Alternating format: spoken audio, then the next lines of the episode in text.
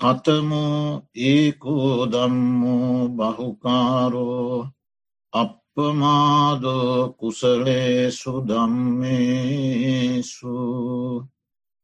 ශ්‍රද්ධාවන්ත කාරුණික පින්වතුනි අපි අද මේ ආරම්භ කරන්නේ දිනපතා පවත්වන්නට අතිකා කරගත්ත දහම් සාකච්ඡාව. දහම් සාකච්ඡාවක් වන නමුත් අපි එකිනෙකා කතා කරන්නට ගියහොත් අවුල් සහගත තත්ත්වයක් ඇතිවෙන බැවින් වරින්වර ඉඩ ලැබෙන මොහොතක එක්කනෙක් පමණක් කතා කළොත් හොඳයි. මම මෙය දේශනයක් විදිහටම දිගට පවත්වාගෙන යන්නට අදහස් කරනවා. අපේ ධර්ම මාතෘකාව දීගනිකායේ දසුත්තර සූත්‍ර දේශනාව. බුදුරජාණන් වහන්සේ පන්සීයක් පමණ භික්‍ෂූන් වහන්සේලා සමග චම්පානුවර ගග්ගරා කියන පොකුණු තීරයේ වැඩවාසය කරන සමයක සාරිපුත්ත මහරහතන් වහන්සේ විසින් භික්‍ෂුමහා සංගරත්නය ආමන්ත්‍රණය කරලයි මේ ධර්මදේශනාව සිදු කරන්නට යෙදුනි. එතකොට මේ දශුත්තර ධර්මය තුළින් කුමක් සිදුවන්නේද? කුමන අර්ථයක් සපයන්නේද කියන කාරණය පැහැදිලි කරනවා. නිවන් පැමිණීම පිණිස. ඒ කියන්නේ නිවන් අවබෝධය පිණිස. දුක් කෙලවර කිරීම පිණිස ජාති ජරාව්‍යාදි මරණ සෝක පරිදේව ආදී දුක්දොම්නස් කෙලවර කිරීම පිණිස. කෙලෙස් ගැට ගන්ත කියන වචනයෙන් හඳුන්වන්නේ ගැට. එතෝට කෙලෙස් ගැට ලිහා දැමීම පිණිස. මේ දසුත්තර දහම දේශනා කරන්නෙමී කියල තමයි සාරිපුත්ත මහරහතන් වහන්සේ මේ දේශනාව ආරම්භ කළි. එකී සෑම කරුණකින්ම මතු කරන්නේ අරිහත්වය සහ නිවන. නිවන් පැමිණීම පිණිස දුක්කෙලවර කිරීම පිණිස කෙලෙස් ගැට ලිහීම පිණිස. ඒ වචන තුනෙම්ම දැක්වෙන්නේ අරිහත්වය සහ නිවනයි. එහෙමනං අපි මේ ඉගෙන ගනු ලබන්නේ අරිහත්වය පිණිස නිවන පිණිස උපකාරවන්නා වූ ධර්මකොට්ටාසයක් කියන බව මුලින්ම තේරුම්ගන්ට ඕන. දේශනාවේ ආරම්භය. කතමෝ ඒකෝ දම්මෝ බහුකාරු. අපපමාදෝ කුසලේසු දම්මේසු. කවර එක ධර්මයක් මේ සත්ව වර්ගයාට බොහෝ උපකාර වන්නේද. අප්‍රමාදූ කුසලේසු දම්මේසු. කුසල ධර්මයන්හි අප්‍රමාදවීම පමානොවීම නැවත කිව්වොත් කුසල ධර්මයන්හි අප්‍රමාදවීම හෙවත් පමානොවීම මේලෝවාසී සත්වයන්ට බොහෝපකාර වෙන එක ධර්මය නම් වේ කියන එකයි අර්ථය. එතකොට දැන් අපි බලන්ට ඕන මේ අපපමාද කියන වචනයට මේ වචනයේ තේරුම මේ වචනයට අට්ට කතා ආචාර්යන් වහන්සේලා විසින්දීලා තිබෙන අර්ථය අදහස. අපපමාදෝ නාම පමාදස්ස පටිපක්ක භූතෝ ඒකෝ දම්මෝ ප්‍රමාදයට පමාවීමට ප්‍රතිපක්ෂව පිහිටියා වූ ධර්මය එකම ධර්මය අප්‍රමාද නම්වේ. සෝපන අත්තතෝ සතියා අවිප්පවාසෝ නාම නිච්චං උපට්ඨිතාය. සතියා චේතන්නාම.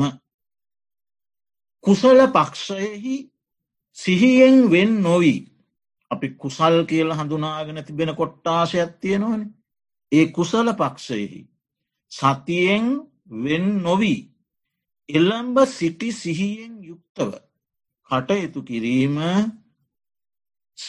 අපමාදයයි. සතියා අවිප්පවාසෝ නාම සිහියෙන් වෙන් නොවී වාසය කිරීම අප්පමාදයයි. ඒ විදිහට තමයි අර්ථ දක්වා තිබෙන්නේ.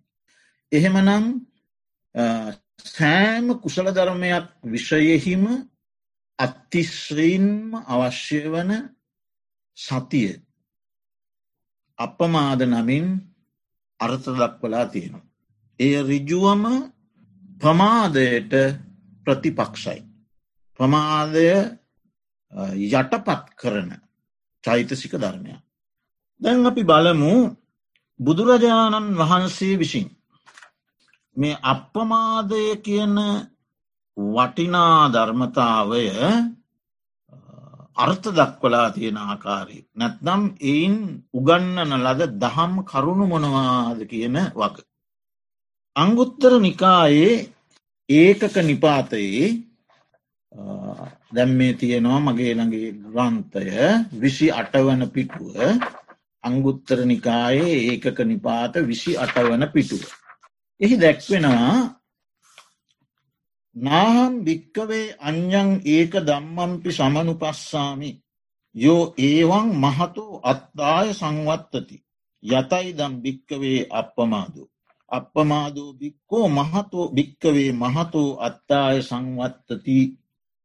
එහි අදහස මහනනි යම්කිසි කාරණයක් මේ ආකාරයෙන් මහත් වූ අර්ථය පිණිස පවතින්නේ නම් මහනිනී අප්‍රමාදය වැනි අන් එකම ධර්මයක්වත් මම දකින්නේ නෑ. මහනෙන අප්‍රමාදය මහත් අර්ථය පිණිස පවති. එතට දැන් ඔය පින්වතුන් තේරුම් ගත යුතුයි අර්ථය. අත්ත කියන වචනේ. මෙලව අර්ථය පරලොව අර්ථය. භෞතිකාර්ථය අධ්‍යාත්මිකාර්ථය. අධ්‍යාත්මිකර්ථය පරාර්ථය. ඔය විදිහ මේ අත්ත කියන වචනේ නොෙක් ආකාරයෙන් බෙදා දැක්විය හැකි.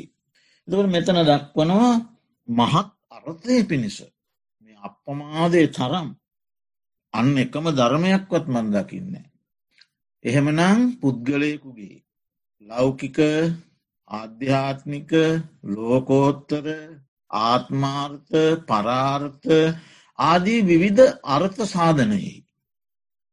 ඒ විවිධ අර්ථ සපුරාලීම සඳහා මේ අපමාදය බෙහෙවින් උපකාර වෙනවා කුසල ධර්මයන්හි පවත්නා සිහිය බොහොමත් උපකාර වෙනවා. ඒ එක් අර්ථයක්. ඊළඟට බුදුරජාණන් වහන්සේ අපිට බොහෝම සාකච්ඡාවට බඳුන් කරන්ට ඉතාම වටින අදහසක් ඉදිරිපත් කරනවා දේශනා කරනවා ඒ අංගුත්තර නිකායේ ඒකක නිපාතයේම තිස් හය වන පිටුව. ඒ කුමක්ද. නාහම් භික්කවේ අඥ්ඥං ඒක දම්මම්පි සමනුපස්සාමි යෝ ඒවන් සද්ධම්මස්ස ටෙතියා අසම්මෝසාය අන්තරධානාය සංවත්තති. යදිදම් භික්කවේ අපමාදෝ. අපමාදෝ භික්කවේ සද්ධම්මස්ස ටිතියා අසම්මෝසාය අන්තරධානාය සංවත්තති. මහනෙන යමක් මේ ආකාරයෙන් සද්ධර්මයගේ පැවැත්ම පිණිස අවිනාසය පිණිස එක යන විනාශ නොවීම පිණිස අතුරුදහන් නොවීම පිණිස පවත්නේද මහනෙන අප්‍රමාදය බඳු අන් එකම ධර්මයකදු මම නොදක්නි. මහනෙන අප්‍රමාදය සද්ධර්මයාගේ පැවැත්ම පිණිස අවිනාසය පිණිස අතුරුදන් නොවීම පිණිස පවත්න්නේ අන්න දැන් අපිට පැහැදිලි සද්ධර්මය පැවැත්මට සද්ධර්මය විනාශ නොවීම පිණිස සද්ධර්මය අතුරුදහන් නොවීම පිණිස මේ අප්‍රමාදය හේතුවෙනවා. අප්‍රමාදය නැති තැන සද්ධර්මය විනාශ වෙනවා. ඒ බව මෙන්න මෙහෙම දේශනා කරනවා. නාහම් භික්කවේ අඥන් ඒක දම්මම්පි සමනු පස්සාමි. යෝ ඒවන් සද්දම්මස්ස සම්මෝසාය අන්තරදානාය සංවත්තති. යදිදම් භික්කවේ පමාදු. පමාදූ භික්කවේ සද්දම්මස්ස සම්මෝසාය අන්තරදානාය සංවත්තතීති. මහණෙන යමක් මෙසේ සද්ධර්මයාගේ විනාසේ පිණිස. අතුරු දහංවීම පිණිස පවතින්නේද මහනෙනි ප්‍රමාදය බඳු අන් එක්කම ධර්මයක්වත් මම දන්නේ නෑ. මම දකින්න. මහනෙන ප්‍රමාදය සද්ධර්මයාගේ විනාශය පිණිස අන්තර්ධානය පිණිස පවතින්නේ. එතකොට ප්‍රමාදය සිහිනුවනින් තොරව කටයුතු කිරීම. සද්ධර්මයේ විනාසයට අතුරුදහන්වීමට හේතු වෙනවා කුසල පක්ෂයේ සිහියෙන් යුක්තව කටයුතු කිරීම සද්ධර්මය පැවැත්ම පිණිස අතුරුදහන් නොවීම පිණිස විනාශ නොවීම පිණිස හේතුවන බව බුදුරජාණන් වහන්සේ දේශනා කළා. එමනං අප්‍රමාදය ඉතාමත් සුවිශේෂී කාර්යභාරයක් මේ එක්කෙක් පුද්ගලයාගේ සද්ධර්ම පැවැත්ම පිණිසත් ඒ පුද්ගල සමූහයකින් යුක්ත ශාසනයේ සද්ධර්ම පැවැත්ම පිණිසත් හේතු උපනිශ්‍රය වෙනවා. ඒ වගේම තතාගත සම්මාසම් බුදුරජාණන් වහන්සේ තමන් වහන්සේ විසින් බුද්ධත්වය ලබා ගැනීම පිණිස මේ අප්‍රමාදය උපකාරවන ආකාරය අංගුත්තර නිකායේ ඒකක නිපාතයේ සියවන පිටුවේ සඳහන් කරන. හොමදේ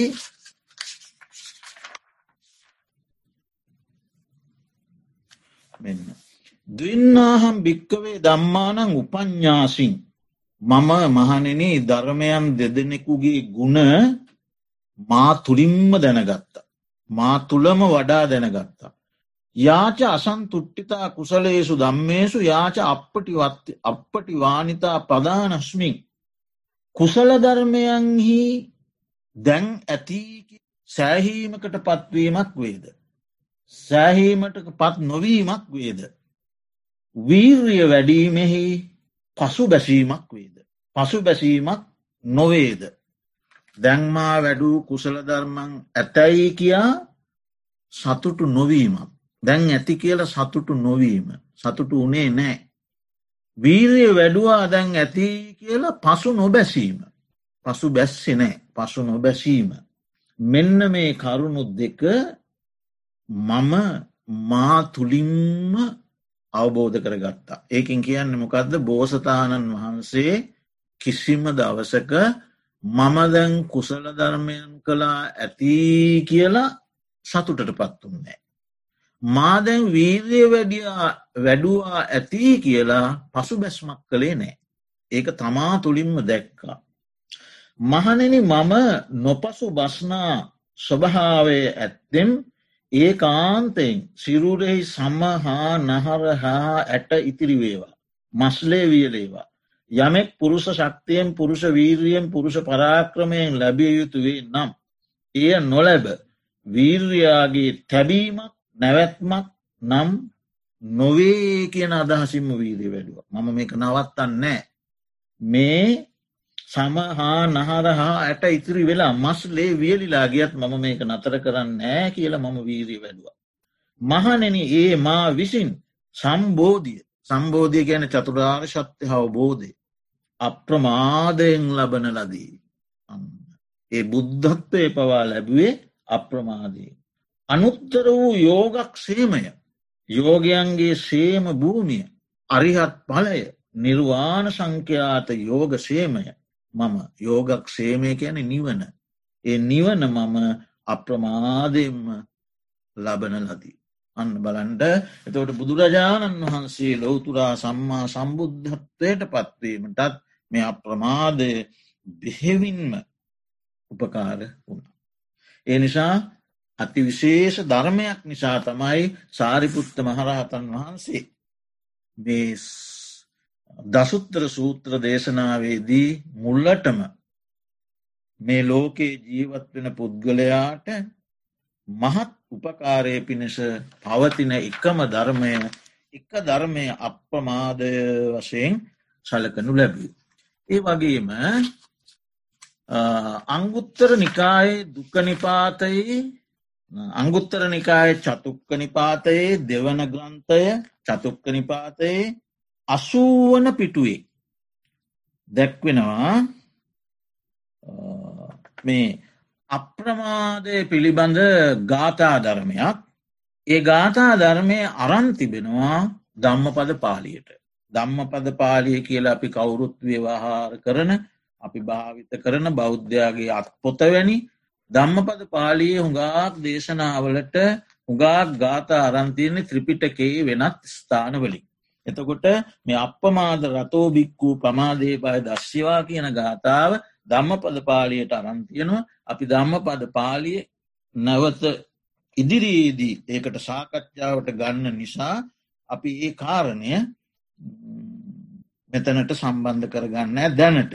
ඒ වගේම පමාද නොවිය යුතු කරුණු හතරක් බුදුරජාණන් වහන්සේ දේශනා කළා. පමා නොවිය යුතු කරුණු හතරක්. ඒ හතරහිදී සිහි නුවනින් යුක්තව ඒ කරුණු හතර පිළිබඳව තමාගේ සිත යොමු කළ යුතුය කියන එකයි භාග්‍යවතුන් වහන්සේගේ ඒ දේශනාවේ සඳහන් වෙන්නේ එයත් අපි මේ අපපමාද සූත්‍රය අංගුත්තර නිකායේ චතුක්ක නිපාතය දෙසිය තිස්වන පිට. අන්න දේශනාව. කාය දුච්චරිතම් භික්කවේ පජහත. කාය සුචරිතං භාවේත. තත්තච මා පමාදත්ත. මහනෙන කාය දුෂ්චරිතය දුරු කරන්න. ප්‍රහාණය කරන්න. කාය සුචරිතය වඩන්න. තත්තච මා පමාදත්ත. එහි ප්‍රමාදවෙන්ඩ එපා. වචී දුච්චරිතම් භික්කවේ පජහත වචී දුෂ්චරිතය දුරු කරන්න වචී සුචරිතම් භාවේත වාක් සුචරිතය වඩන්න තත්තච මා පමාදත්ත එහි ප්‍රමාදවෙන් එපා. මනෝ දුච්චරිතම් භික්කවේ පජහත මනෝ සුචරිතම් භාවේත තත්තච මා පමාදත්ත වචී සුචරිතය ප්‍රහාණය කරන්න වචී දුෂ්චරිතය ප්‍රහාණය කරන්න වචී සුචරිතය වඩන්ඩ එහි ප්‍රමාදවෙන්ඩ එපා. මිච්චාදිට්ටිම් භික්කවේ පජහත සම්මාධිට්ටිම් භාවේත. මිත්‍යා දෘෂ්ටිය ප්‍රහාණය කරන්නට සම්මාධිට්ටිය වඩන්ට එහි නම් ප්‍රමාදවෙන්ට එපා. ඔන්න කරුණු හතරයි. කාය දුෂ්චරිත වාගදුෂ්චරිත මනෝදුෂ්චරිත මිච්චාදිට්ටි. ඒ හතර ප්‍රහාණය කරන්න. කාය සුචරිත වාක් සුචරිත මනෝසුචරිත සම්මාධිට්ටි. ඒ හතර වඩන්ඩ. බුදුරජාණන් වහන්සේ දේශනා කරනවා යම් කිසි කෙනෙක් තුළ ඉහත කියන ලද කාය දුෂ්චරිතය ප්‍රහාණය වුණා නම් ඔහු තුළ කාය සුචරිතය හොඳට වැඩුන නම් භාවිත වුණා නම්. වචී දුෂ්චරිතය මනෝදුෂ්චරිතය ප්‍රහාණය වුණා නම් වචී සුචරිතය මනෝසුචරිතය හොන්දට වැඩුන නම්. මිත්‍යා දිිෂ්ටිය ප්‍රහාණය වුණානන් සම්මාධිත්‍යය වැඩුන නම්. සෝන භායති සම්පරායිකස්ස මරණස්සාති. ඔහු සාම්පරායික මරණයට බයවිය යුතු නෑ. අපි මරණය වසයෙන් සලකන්නේ කෙනෙක් මැරුණා කියලා කියන්නේ. ඒ මරණයට බයවෙන්ඩුවමනා නෑ කියන. දුෂ්චරිත ප්‍රහාණය වුණානං සුචරිතය වැඩුනනං සම්මාධිට්ටිය වැඩුනනං මිත්‍යා දෘෂ්ටිය ප්‍රහාණය වුණානං එයා මරණයට බයයුතු නෑ. යනුවෙන් භාග්‍යවතුන් වහන්සේ අපි සියලූම දෙනා කෙරෙහි අප්‍රමාණ කරුණාවෙන් දයාවෙන් දේශනා කරනවා. මේටික දුරු කරන්න මේටික වඩන්න කියන කාරණය. එතවට ඒවා දීර්ග වශයෙන් විස්තර කළ යුතුනෑ මේ පින්වතුන් දන්නවා කාය සුචරිතය කියන්න මොකක්ද කාය දුෂ්චරිතය කියන්න මොකක්ද මේ කරුණු හොඳින් ඉගෙන දැන තියෙන පින්වතු. එනිසා ඒවා පදයක් භාෂා අර්ථ විග්‍රහ කරන්න යන්නේ නෑ. ඊළඟට පමා නොවී සිත රැක ගත යුතු තැන් හතරක්. ප්‍රමාද නොවී තමන්ගේ සිත රැකගත යුතු තැන් හතරත්තියෙන. ඒ හතර අප්‍රමාදයට අදාලයි ඒ සූත්‍රයේ නම ආරක්ක සූත්‍රය. අංගුත්තර නිකායේ චතුක්ක නිපාතයේ දෙසිය තිස් දෙවනි පිට. ඒ තැන් ඒ තැන් හතර රැකගන්න මොනකම මොනම මොහොතකවත් ප්‍රමාදවෙන්ඩ එපා කියන. මොනවදී. සිත් ඇලීමට කරුණු වූ දහම්හි. දැන් අපේ සිත ඇලෙන්න්නට හේතුවන දහම් තියෙනවන. සිත ඇලෙනවා. ලෝබයෙන් ඇලෙනවා. ඒ ඇලෙන්න්නට සුදුසු වූ ධර්මයන්හි මගේ සිත නොඇලේවා කියන කාරණය.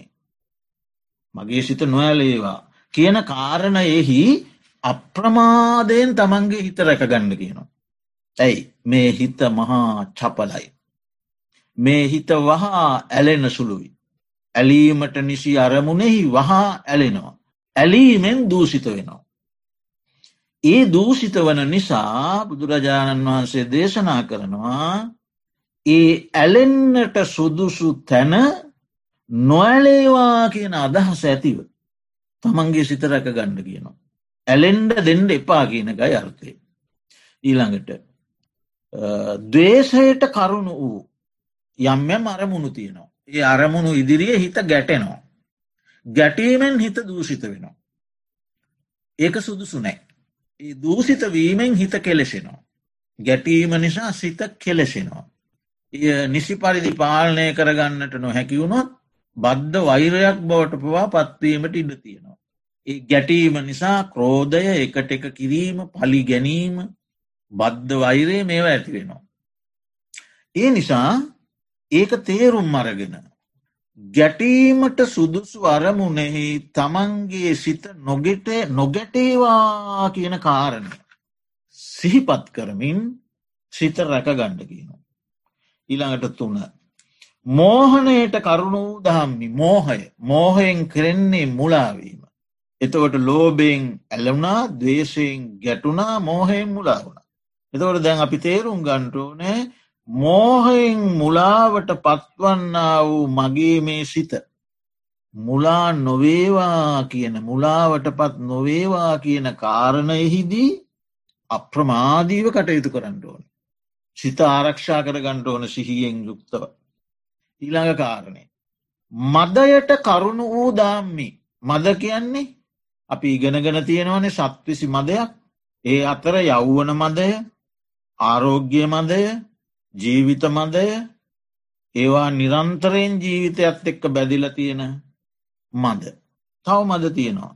සිප්ප මද සීල මද රූප මද ධ්‍යාන මද පුරෙක්කාර මද ආදී නොයෙක් මද තියෙනවා හත්විසි මදයක්.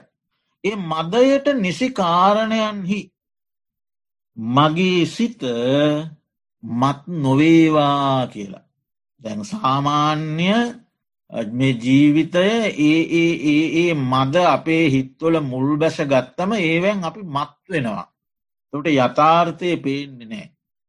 ඒ නිසා ඒ මත්වෙන සිත මත් නොවේවා කියන අධිටන ඇති කරගෙන ඒ මදයට නිසි අරමුණු ඉදිරියෙහිදී.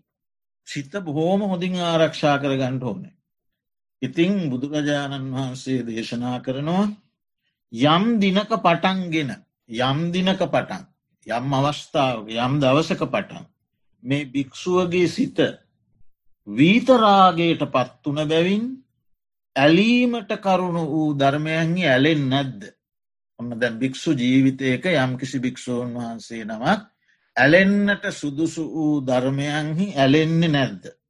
මෙතන කියන්න මාර්ගඵල අරිහත්වය පිළිබඳ ගැට මේ සාකච්ඡාව තියෙන්නේ මේ කරුණු ටික.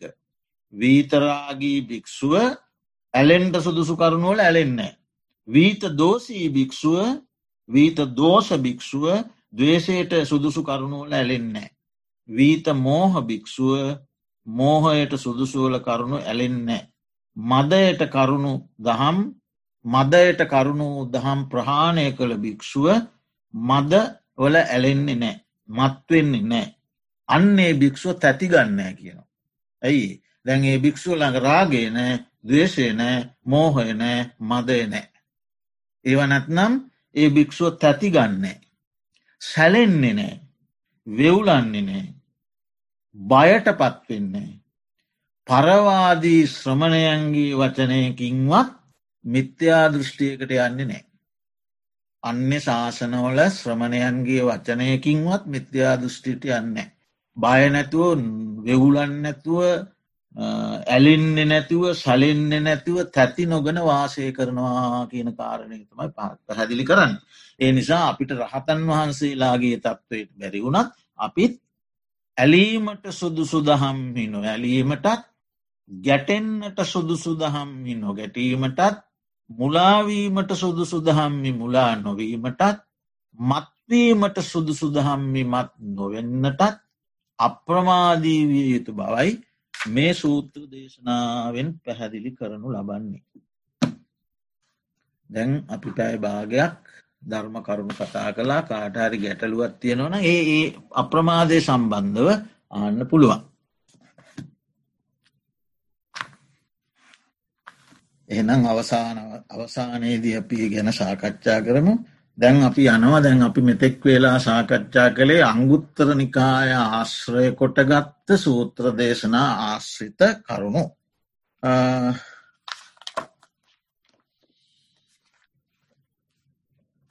හාමුදුරුවනේ අංගුත්තර නිකාය ඒකක නිපාතයේ කොතනද හාමුදුරුවන අංගුත්තර නිකාය ඒකක නිපාතය තැන් ගණනාවක් තියෙනවා.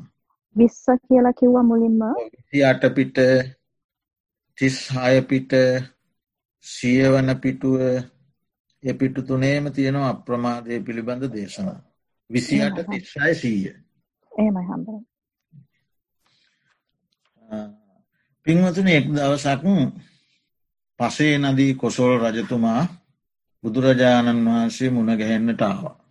ඇවිල්ලා මෙන්න මේ විදිී ප්‍රශ්නයක් ඇැහුව.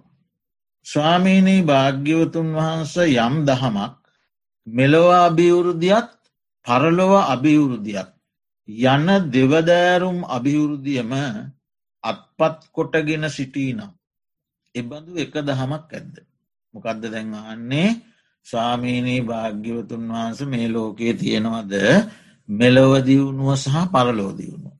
යන ආකාර දෙකෙම්ම යුක්ත දියුණු අභිහුරුදිය. අත්පත් කොටගෙන සිටින්ට පුළු සුදුසු දහමක් ඒ ධර්මය එහෙම දහමක් තියෙනවාද. මෙලොව දියුණුවත් සලසා දෙන පරලෝ දියුණුවත් සලසා දෙන. බුදුරජාණන් වහන්සේ දේශනා කරනවා මහරජය යම් දහමක් මෙලොව දියුණුවත් පරලොව දියුණුවත් යන දෙවදෑරුම් දියුණුවම අත්පත් කොට දෙන එබඳු දහමත් තියෙනවා. එතකොට ආපව් පසේ නදී කොසොල් රජ්ජුරුවාහනවා ඒ දහම කුමක්ද කියලා. බුදුරජාණන් වහන්සේ දේශනා කරනවා මහරජ යම් දහමක් මෙලව අභිවෘදියත් පරලෝ අභිවෘදියත් යන දෙවදෑරුම් අභිවෘදිය මත්පත් කොටගෙන සිටී නම් එබ්බන්දු එක් දහම අප්‍රමාදය. අන්න. තොට එතනින් පැහැදිලි අප්‍රමාදය මෙලවදියුණුවත් සලසා දෙනවා පරලෝදියුණුවත් සලසා දෙනවා. එතෙන්දි අප්‍රමාදය ලෙස බොහෝවිට ගත යුතු වන්නේ සතිය අවශ්‍යමයි සිහියෙන් නොතරෝ වාශය කිරීම තම අප්‍රමාදයට දෙන අරතය පමා නොවී කටයුතු කිරීම. ඒ ඒ තැන්නට නියමිත ඒ ඒ තැනට සුදුසු දෙය ඒ ඒ තැනට නියමිත පරිදි සුදුසු පරිදි ගැලපෙන පරිදි කරනවා. මහරජ ඇවිදින ප්‍රාණීන්ගේ යම්කිසි පා සටහන්නු වෙත්නම්.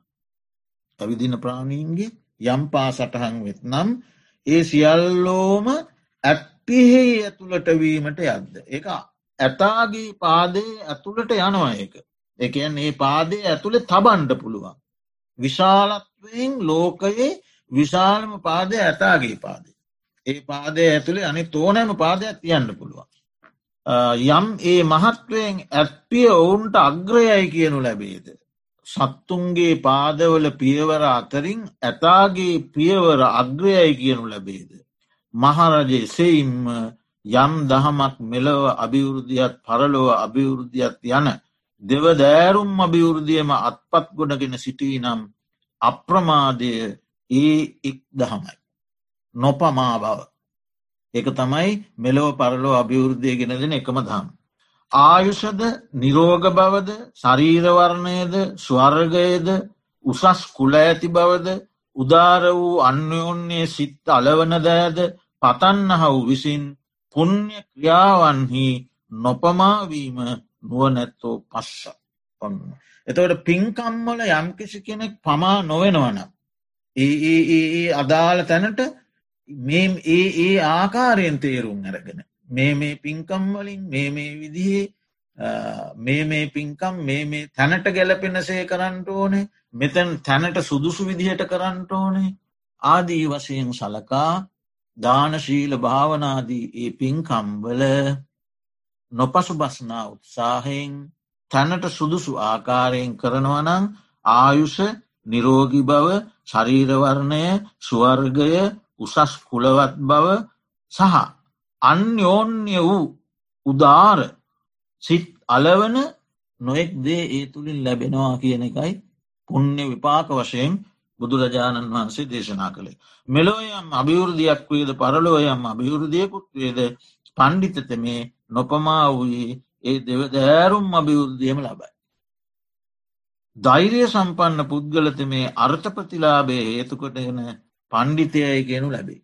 අන්න එවැනි ධෛරිය සම්පන්න පුද්ගලයාට තැනට සුදුසු ආකාරයෙන් නුවනින් යුක්තව කටයුතු කරන දිරිමත් පුද්ගලයාට පණ්ඩිත කියල කියන. කියන්ට සුදුසුයි කියනවා බුදුරජාණන් වහන්සේ. ඒ නිසා එතනදී ඒ අපමාද කියන වචන එතදිනිදී ගත්තේ නොපමාව කටයුතු කරන්නට දක්ෂ පුද්ගලයා කියන අර්ථය. තොට අපිට පැහැදිලි වෙනවා යම් යම් දේවල් තේරුම් ගැනීමේදී ඒ තැනට අදාළ ලෙසින් ඒ කරුණ විග්‍රහ කරගත යුතු බව.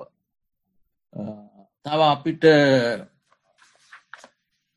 කල්්‍යයාන මිත්‍ර ආශ්‍රය සහ අප්‍රමාදය අතර ඇති වැදගත්කම.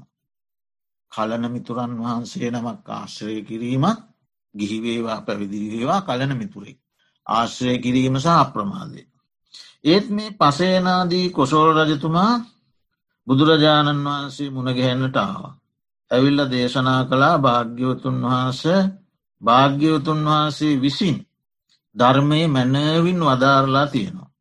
ඒත් කල්්‍යයාන මිත්‍ර ඇත්තා ඇත්තහුටය කලන යහළුවන් ඇත්තහුටය කලනයන් කෙරේ නැමුණ හටය පවිටු මිතුරන් ඇත්තන්ට නොවේ පවිටු යහළුවන් ඇත්තන්ට නොවේ පවිටන් කෙරේ නැමුණු අයටත් නොවේ.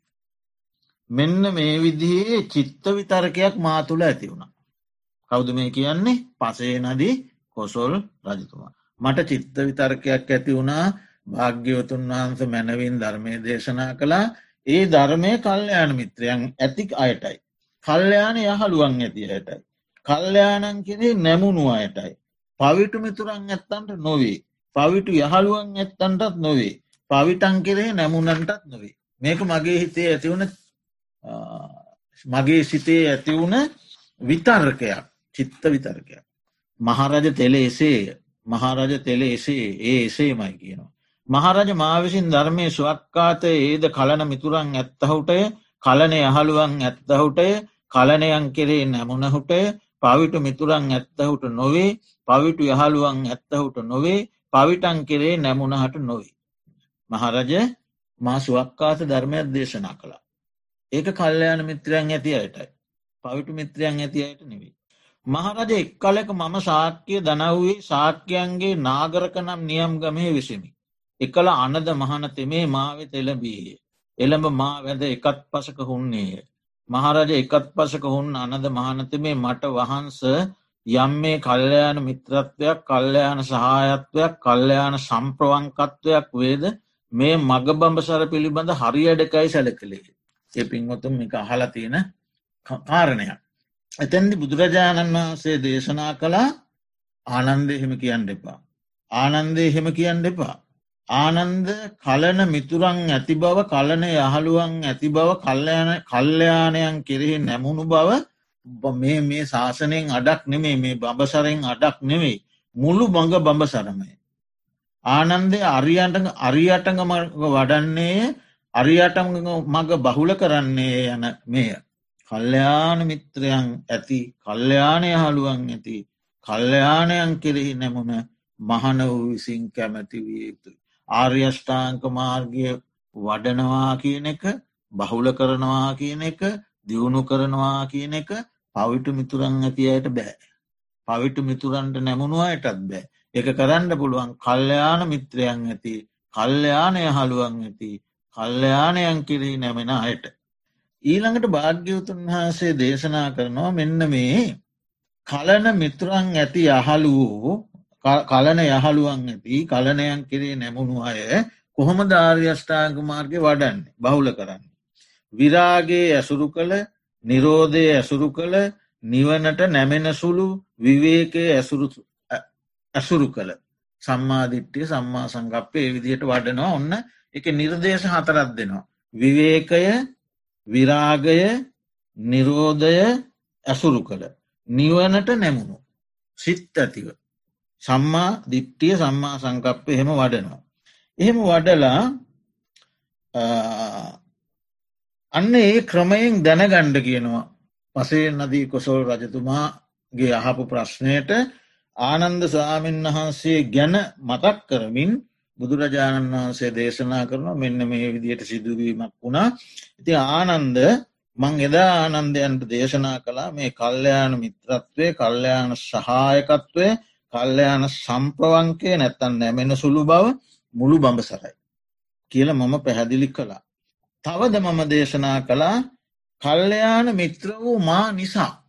ඒ බුදුරජාණන් වහන්සේ තමන් ගැන කියනවා. කල්්‍යයාන මිත්‍ර වූ මා නිසා ඉපදීම ස්වභාව කොට ඇති සත්වයෝ ඉපදීම මිදෙත්. මරණය ස්වභාවකොට ඇති සත්වයෝ මරණෙන් මිදෙත්. ඒ විදියට සෝකය වැලපීම ඒ සියල්ලෙන් මිදෙත්. මහරජ එහෙයින් මෙහිලා තොප විසින් මෙසේ හික්මිය යුතුය. ඔන්න මහරජතුමාට හික්මීමට කරුණක් කියන බුදුරජාණන් වහන්සේ. දේශනාව අවසානය. කලන මිතුරන් ඇත්තෙක් කලනය හළුවන් ඇත්තෙක් කලනයන් කෙරේ නැමෙන්නෙක් විමී කියලා හික්මෙන්දකිව. මහරජ මෙසේම තොප විසින් හික්මිය යුතුයි. මහරජ කලන මිතුරන් ඇති කලනය හළුවන් ඇති කලනයන් කෙරේ නැමුණු තොප විසින් මෙච්චර දේශනාවක් කරගෙන ඇවිල්ලා රජ්ජුරුවන්ට කියනවා ඒ නිසා නුබ නිතර කලන මිතුරන් ඇති කලනය හළුවන් ඇති කලනය හළුවන්ට නැමුණු කෙනෙක්වෙන්ට අධිෂ්ඨාන කරගන්න. එහෙම අධිෂ්ඨාන කරගෙන එවැනි ස්වභාවයෙන් යුත්ත නුඹ මෙන්න මේක කරන්න කිව මොකක්ද කරන්න කිවේ. කුසල ධර්මයන්නේ අප්‍රමාදය වූ මේ එකම ධර්මය ඇසුරු කොට වසන්ඩ කිව. හාටද මේ කිවේ. රජ්ජුරුවන්ට රජතුමාට දුන්න එක්කම අවවාදය බුදු හාමුදුරු. මොකක්ද මෙච්චර දිග විස්තරයක් කරන්න ඇවිල්ලා. අන්තිමට කිවේ නුඹ කල්්‍යයාන මිත්‍රාශ්‍රය ඉඳපන්. ඒ ඇසුරේම ඉන්ඩ එහෙම ඉඳමින් කුසල ධර්මයන්නේ අප්‍රමාදය කියන එකමික ධර්මය වඩන්න කිව. ඔන්න රාජානු ශාසනාව. ඒ ඒ ඒ සූත්‍රය තියෙන්නේ සංයුක්ත නිකායේ කෝසල සංයුක්තය නැත්තම් ප්‍රථම ග්‍රන්ථයේ එකසිය හැටවන පිට. සංයුක්ත නිකාය එක එකසිය හැට පිටුව. ඒ සූත්‍රයේ නම මොකක්ද? කල්්‍යයාන මිත්‍ර සූත්‍රය. හාමුදුරනේ? කල්්‍යයාන මිත්‍ර සූත්‍රය. ආර්ය අෂ්ඨාංක මාර්ගයෙන් ප්‍රවේශය අරගෙන නෑ කල්්‍යයාන මිත්‍ර ආශ්‍රයෙන් ප්‍රවේශය අරගෙන ඒ ආර්ය අෂ්ඨාංක මාර්ගය දක්වා ගෙනවිත් පැර සිද්ධියකුත් එතෙන්ට ඇතුළත් කරලා ආනන්ද සාමීන් වහන්සේත් සමඟ කරන ලද සාකච්ඡාවකුත් ඒකට ඇතුළත් කරලා ආර්ය අෂ්ඨායක මාර්ගයට එක ගොුණු කරලා අවසානයේ බුදුරජාණන් වහන්සේ ගෙනාවේ අප්‍රමාදයට. රජතුමාට දුන් අවවාද. ඒ සූත්‍රයේ කල්ලයා පිටුව මම කිව්වනන එකසිය හැට පිට. දැන් අපි බලමු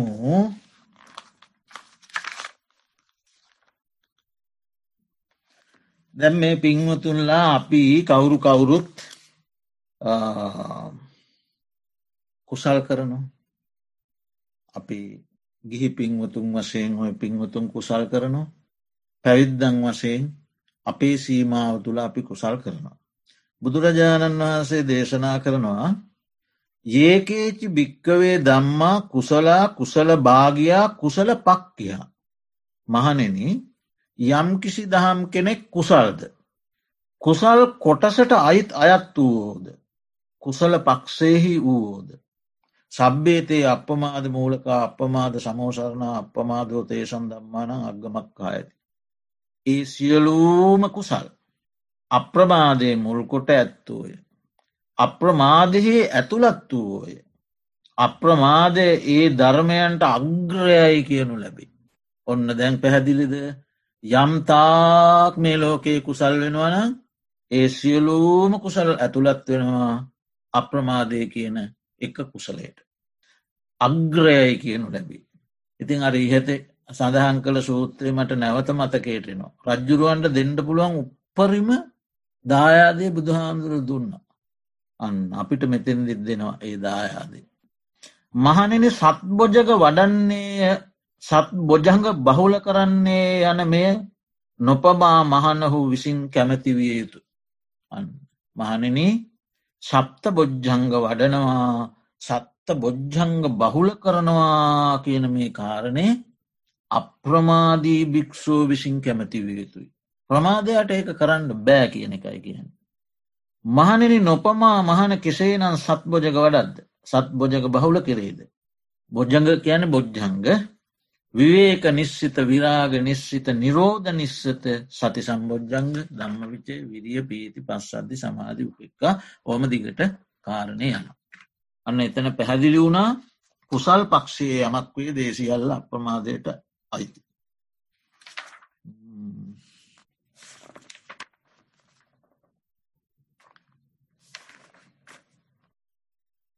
සංයුක්ත නිකායේ පස්වන කාණ්ඩයේ පලවන ග්‍රන්ථයේ පනස් දෙවන පිට අපමාද සූත්‍රය.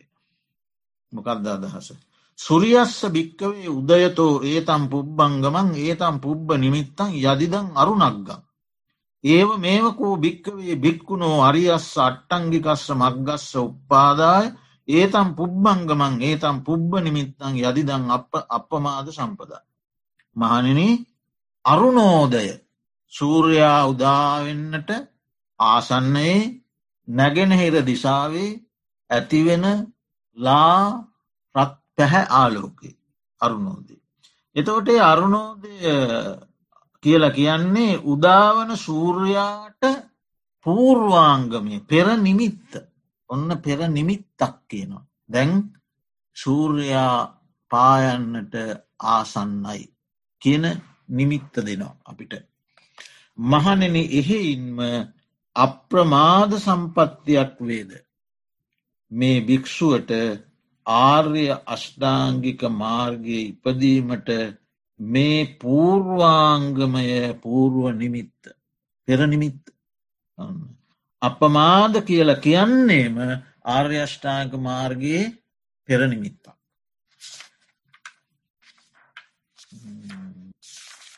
දුතිය අපමාද සූත්‍රය. එයත් ඒ අදහසුමයි දෙන්නේ. පළවෙනි අපමාද සූත්‍රයේ දෙන අර ආර්යෂ්ඨායංක මාර්ගී වඩන ක්‍රමවේදේ නැත්තයිකි වචනවල වෙන සත්තියනවා විවේකව විවේකය ඇසුරු කළ විරාගේ ඇසුරු කළ නිරෝධය ඇසුරු කළ නිවනට නැමුණු ඇතිව අප්‍රමාදය වඩන්නේ කියලා පළවෙනි අපමාද සූත්‍රයේ තියෙනවා. දෙවනි අපමාද සූත්‍රයේ අර උපමාව එකමයි සූරියෝද්ගමනය සහ මේ රත් පැහැ ආලෝකයේ එකම ක්‍රමය නමුත් දේශනාව ආර්යෂ්ඨාංග මාර්ගය වඩන ක්‍රමය දක්වන්නේ රාග විනය කෙලවරකොට දෝෂ විනය කෙලවරකොට මෝහ විනය කෙලවරකොට අප්‍රමාදී භික්‍ෂුව ආර්යෂ්ඨාංග මාර්ගය වඩන. ඒ අර වඩන මාර්ගය හැඳින්වීමේ විතරයි වෙන ශක්තියෙන්. ඊළඟට අපි යමු.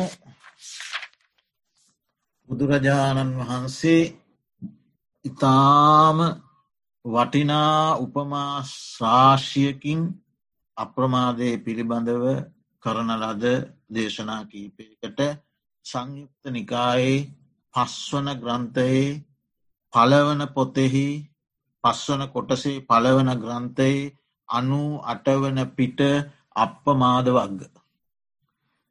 මම පාලි භාෂා කොටස නොකයා පැහැදිලි කරනවා මේ ලෝකයේ ඉන්න සත්ව වර්ගයෝ. පා නැති දෙපා ඇති පාදහතරක් ඇති බොහෝපාද ඇති රූප ඇති රූප නැති සංඥාවක් ඇති සංඥාවක් නැති. නේව සංඥා නාසං්ඥි.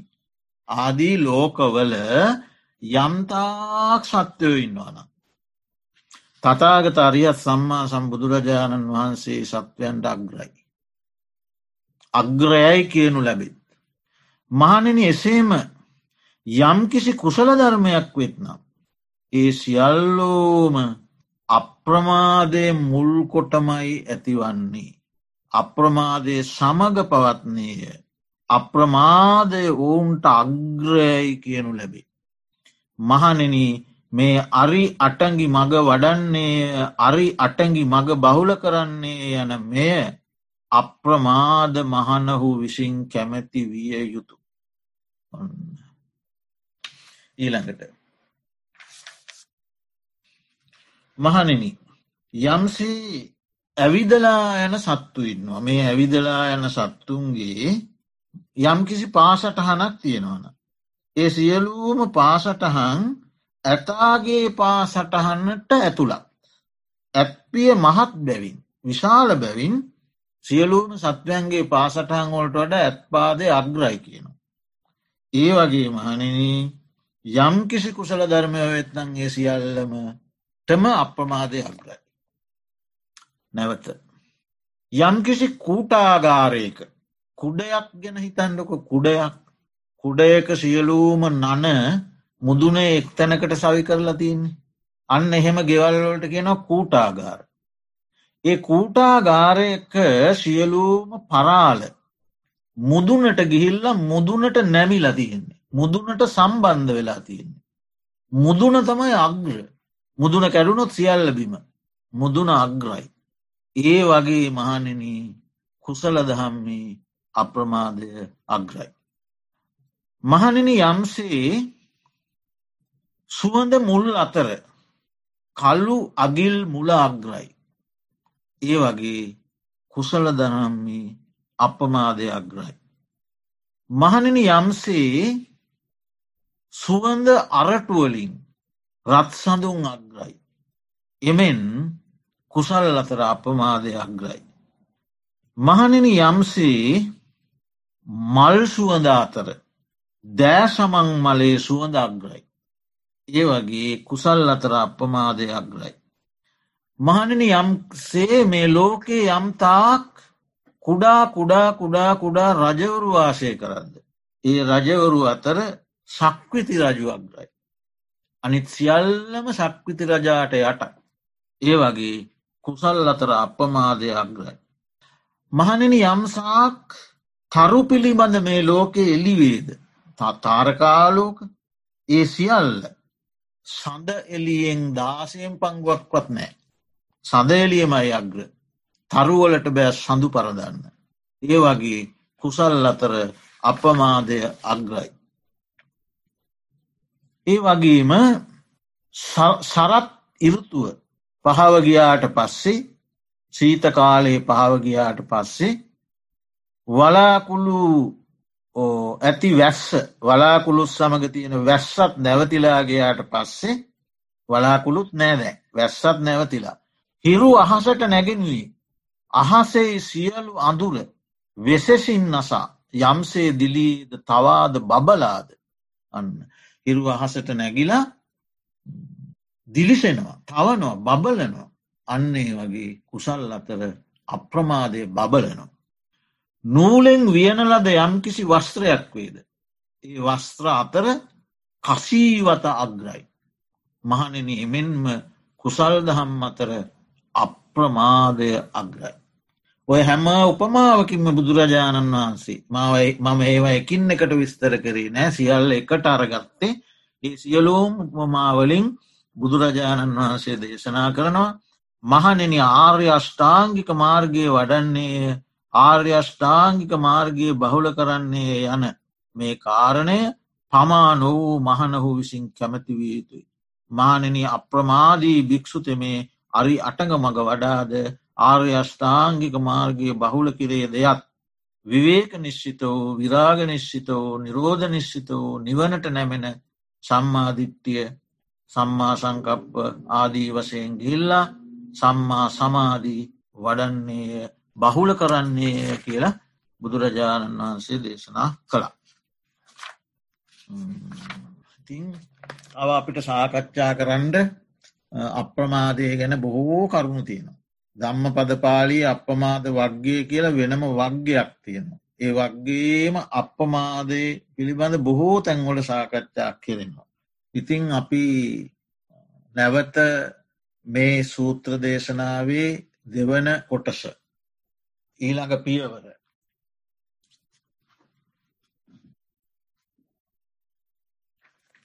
දෙවන කොටස වශයෙන් තිබෙන්නේ කතමෝ ඒකූ දම්මෝ භාවේ තබ්බෝ.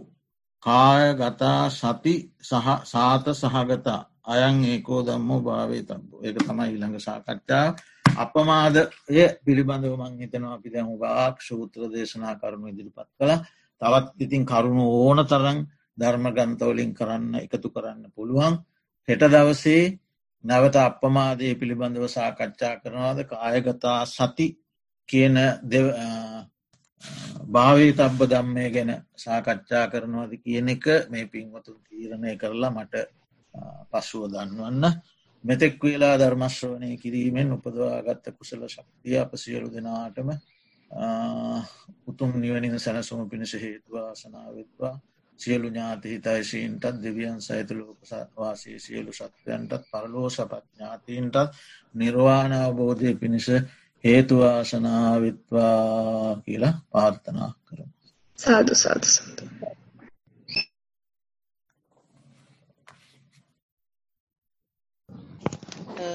තෙරුවන් සරණයි. හෙට මේ හෙටත් අප්‍රමාදය ගැනමද සාකච්ඡා කරන්න අපි. කැමති විදිහක් නේද? ඊළඟට තියෙන එක වුණත් ගන්න පුළුවන් ඔන්න නේද? කායගත එකට යමු නේද? ආ? කායගත නේද? ඔව් කායගත. දෙවෙනි එකට යමු නේද ඒක තමයි. දැන් හාමුදුරුවෝ අර සූත්‍ර ගොඩක්. අපිට කියලා තියෙනවා. ඉතින් ඒවා ෆලෝ කරන්න පුළුවන් ධම්මපදේ අප්‍රමාද සූත්‍රය. එහෙනම් කායගත සතිය අපි කරමුනේ. හාමුදුරන්ට කියමු එහෙනම්. ආ, එහෙම හොඳයි ස්වාමීන් නේද? වහන්සේ ඉන්නව නේද මේ ආ, ඉතින් එහෙනම්. ආ මම හිතන්නේ හැඟප් වුණාද කොහෙද නේද හාමුදුරුවෝ. ඔව්. ආ, අනිත් අය everybody's okay with that? ආ දමයන්ති දැහැලුනේ ආ හරි හරි. Yes, Harshi September. යා. ඇහෙනවද මාව ඔව් ඇහෙනවා. අයනවා කමේ. ඇහෙනවා ඇහෙනවා. to say what is what does apramada mean සතියෙන් i ඉන්න was කියන එක. listening to everything i know what does that not not getting not delayed. Uh, uh, simple as uh, that you should not delay anything. You have to do everything. thought that was it pramada means delay, apramada not delay. No, අප්‍රමාද means සතියෙන් ඉන්න, right? අප්‍රමාදය සතිය. නෑ නේ අප්‍රමාදය කියන්නේ ප්‍රමාද වෙන්න එපා කියන එක. අප්‍රමාද. ප්‍රමාද වෙන්න එපා. ඒ කියන්නේ හැම දෙයක්ම try and do it. Ev- only Pramadevendepa. Not only that, it has to be yeah. do it mindfully. Oh. Yeah, yeah, yeah mindful. Of course, mindful comes uh, for everything. So we uh, use the mindfulness uh, and not to put delay anything. Like you put pr- without procrastinating, you hmm. uh, start doing everything. Uh, uh, the dhamma. සති සම්පජාන්න නේද අප්‍රමාදයකට තවත් කියන්නේ? ඔව් ඔව් සති සම්පජන්ණය සති සම්පජන්ණය විතරක් නෙවෙයි ඒකට. ඒ කියන්නේ දැන් අපි මොකක් හරි දෙයක් අපි කියමුකෝ ධර්මයට දානයක් දෙනවා කියලා. ඒ. දානෙ දෙන්න අපි සති සම්පජන්ණේ නැතුව දානෙ දෙන්න බෑනේ. හැබැයි දානේ අපිට දැන් මොකක් හරි වෙලා අපි හිතනවා ඒක හෙට දෙන්න පුළුවන්. I am just simple simple මේ මේකක් කියන්නේ මම. Eh, you try to put it back uh, or you procrastinate. you mean to delay it ah okay. Yeah, without delaying, you practice Dhamma and um, uh, Hamduru or Dhammapadaya, through Dhammapadaya also he said to uh, search some, you know, Mhm. some Dhamma sermons.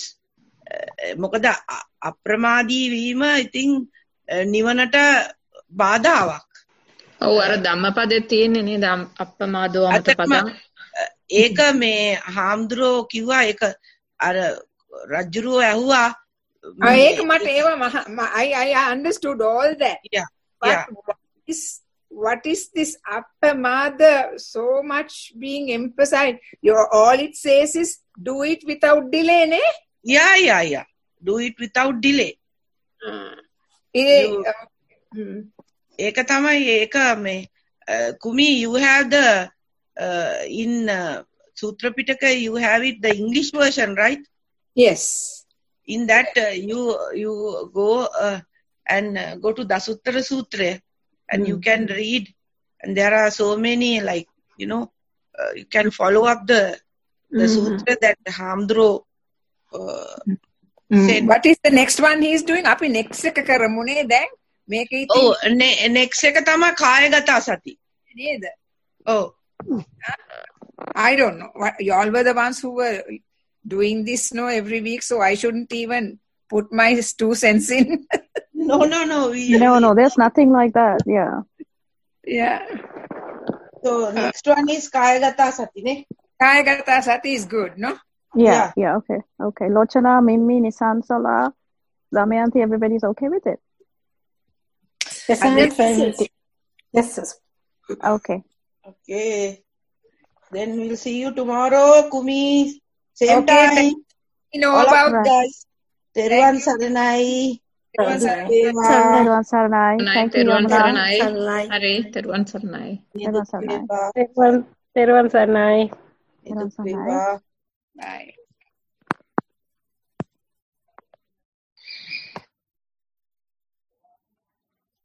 Hello, Yamuna. Are you there, Yamuna? Hello ආ ආ ඉන්නවා ඉන්නවා මං කඩේ යන්න නැතුව මං බැලුවා එතකොට හතරට පහයි. මං. දඩි ගාලා ගෙදර ගෙදර ආ. ඔයා ගිහින් නැද්ද? ගියේ නැද්ද කියන්නේ? කඩේ ගියේ නැහැ. අ, මං ආහා. කඩේට බහින්න යනකොටනේ ඔයා කතා කළේ. ඇයි ඔයාට මතක නැති වුණාද? ඊයේ දාලා තිබ්බනේ. ඔව්වනේ මට මත මට අද ඩොක්ටර්ස් අපොයින්ට්මන්ට් එකක් තිබුණා. ෂොට් එක ගන්න ගියා ඒ ෂොට් එක දෙන්නේ දවල් 12න් පස්සේනේ. මගේ ඔර්ලෝසිය පටියේ මිනිසු දාලා දුන්න ඒක කැඩිලා. ඉතින් ආ. වහලා තිබුණනේ මෙච්චර කල් ඔන්න ඇරලා. ඉතින් ඒව ඔක්කොම කරගෙන එන ගමන් තමයි මං හිතුවා ආ, දැන් ඉතින් අයි ගෙදර ගිහින් හෙට එනවට වඩා මෙතන කඩේ ගිහින් ඉතුරු. එතකොට තමයි වා කතා කළේ. හරි හරි. ඕකේ එහෙනම් හෙටත් එන්න මේ Okay, thank වෙලාවටම. thank you. කතා කළාට හෙටත් හතරට හරි. හෙටත් 4 ඔව් 4 pm okay see you then. Okay Damayanthi see you. see you. සරණයි. පුත්සන්නයි සරණයි නිසංසලා දැන්වත්. මේ කිටන ඔලා සමීරගේ අක්කා. මේ? සමීරගේ නංගි මේ දන්නෙම නැද්ද මේ පොඩ්ඩක් ඉන්න මට පුළුවන්? අපිට පුළුවන් මේක රීනේම් කරන්න එතකොට අනිත් අයටත් පේනවද බලන්න මම කරන්නත් හදලා. නිකන් හිටියේ Rename. ඡන්දෙම. ඔයා දානවද? අනිත් ඒවාට පේනවද බලන්න මේ මම බැලුවා යකෝ ආ පේනවද? පේනවා. ආ හරි හරි. මන් දාන්න ඊළඟ ආ දවසේ අනිත් දවසේ නිසංසලා දාගෙන. මම කරන්නත් හැදුවා ඔන්න වෙන්න කරන්නත් හදලා ආයෙ නිකන් හිටියා. මේ ඔයා දන්නවද? මේ මේ මේ මේ මියුට් අන්මියුට් ආ පොඩ්ඩයි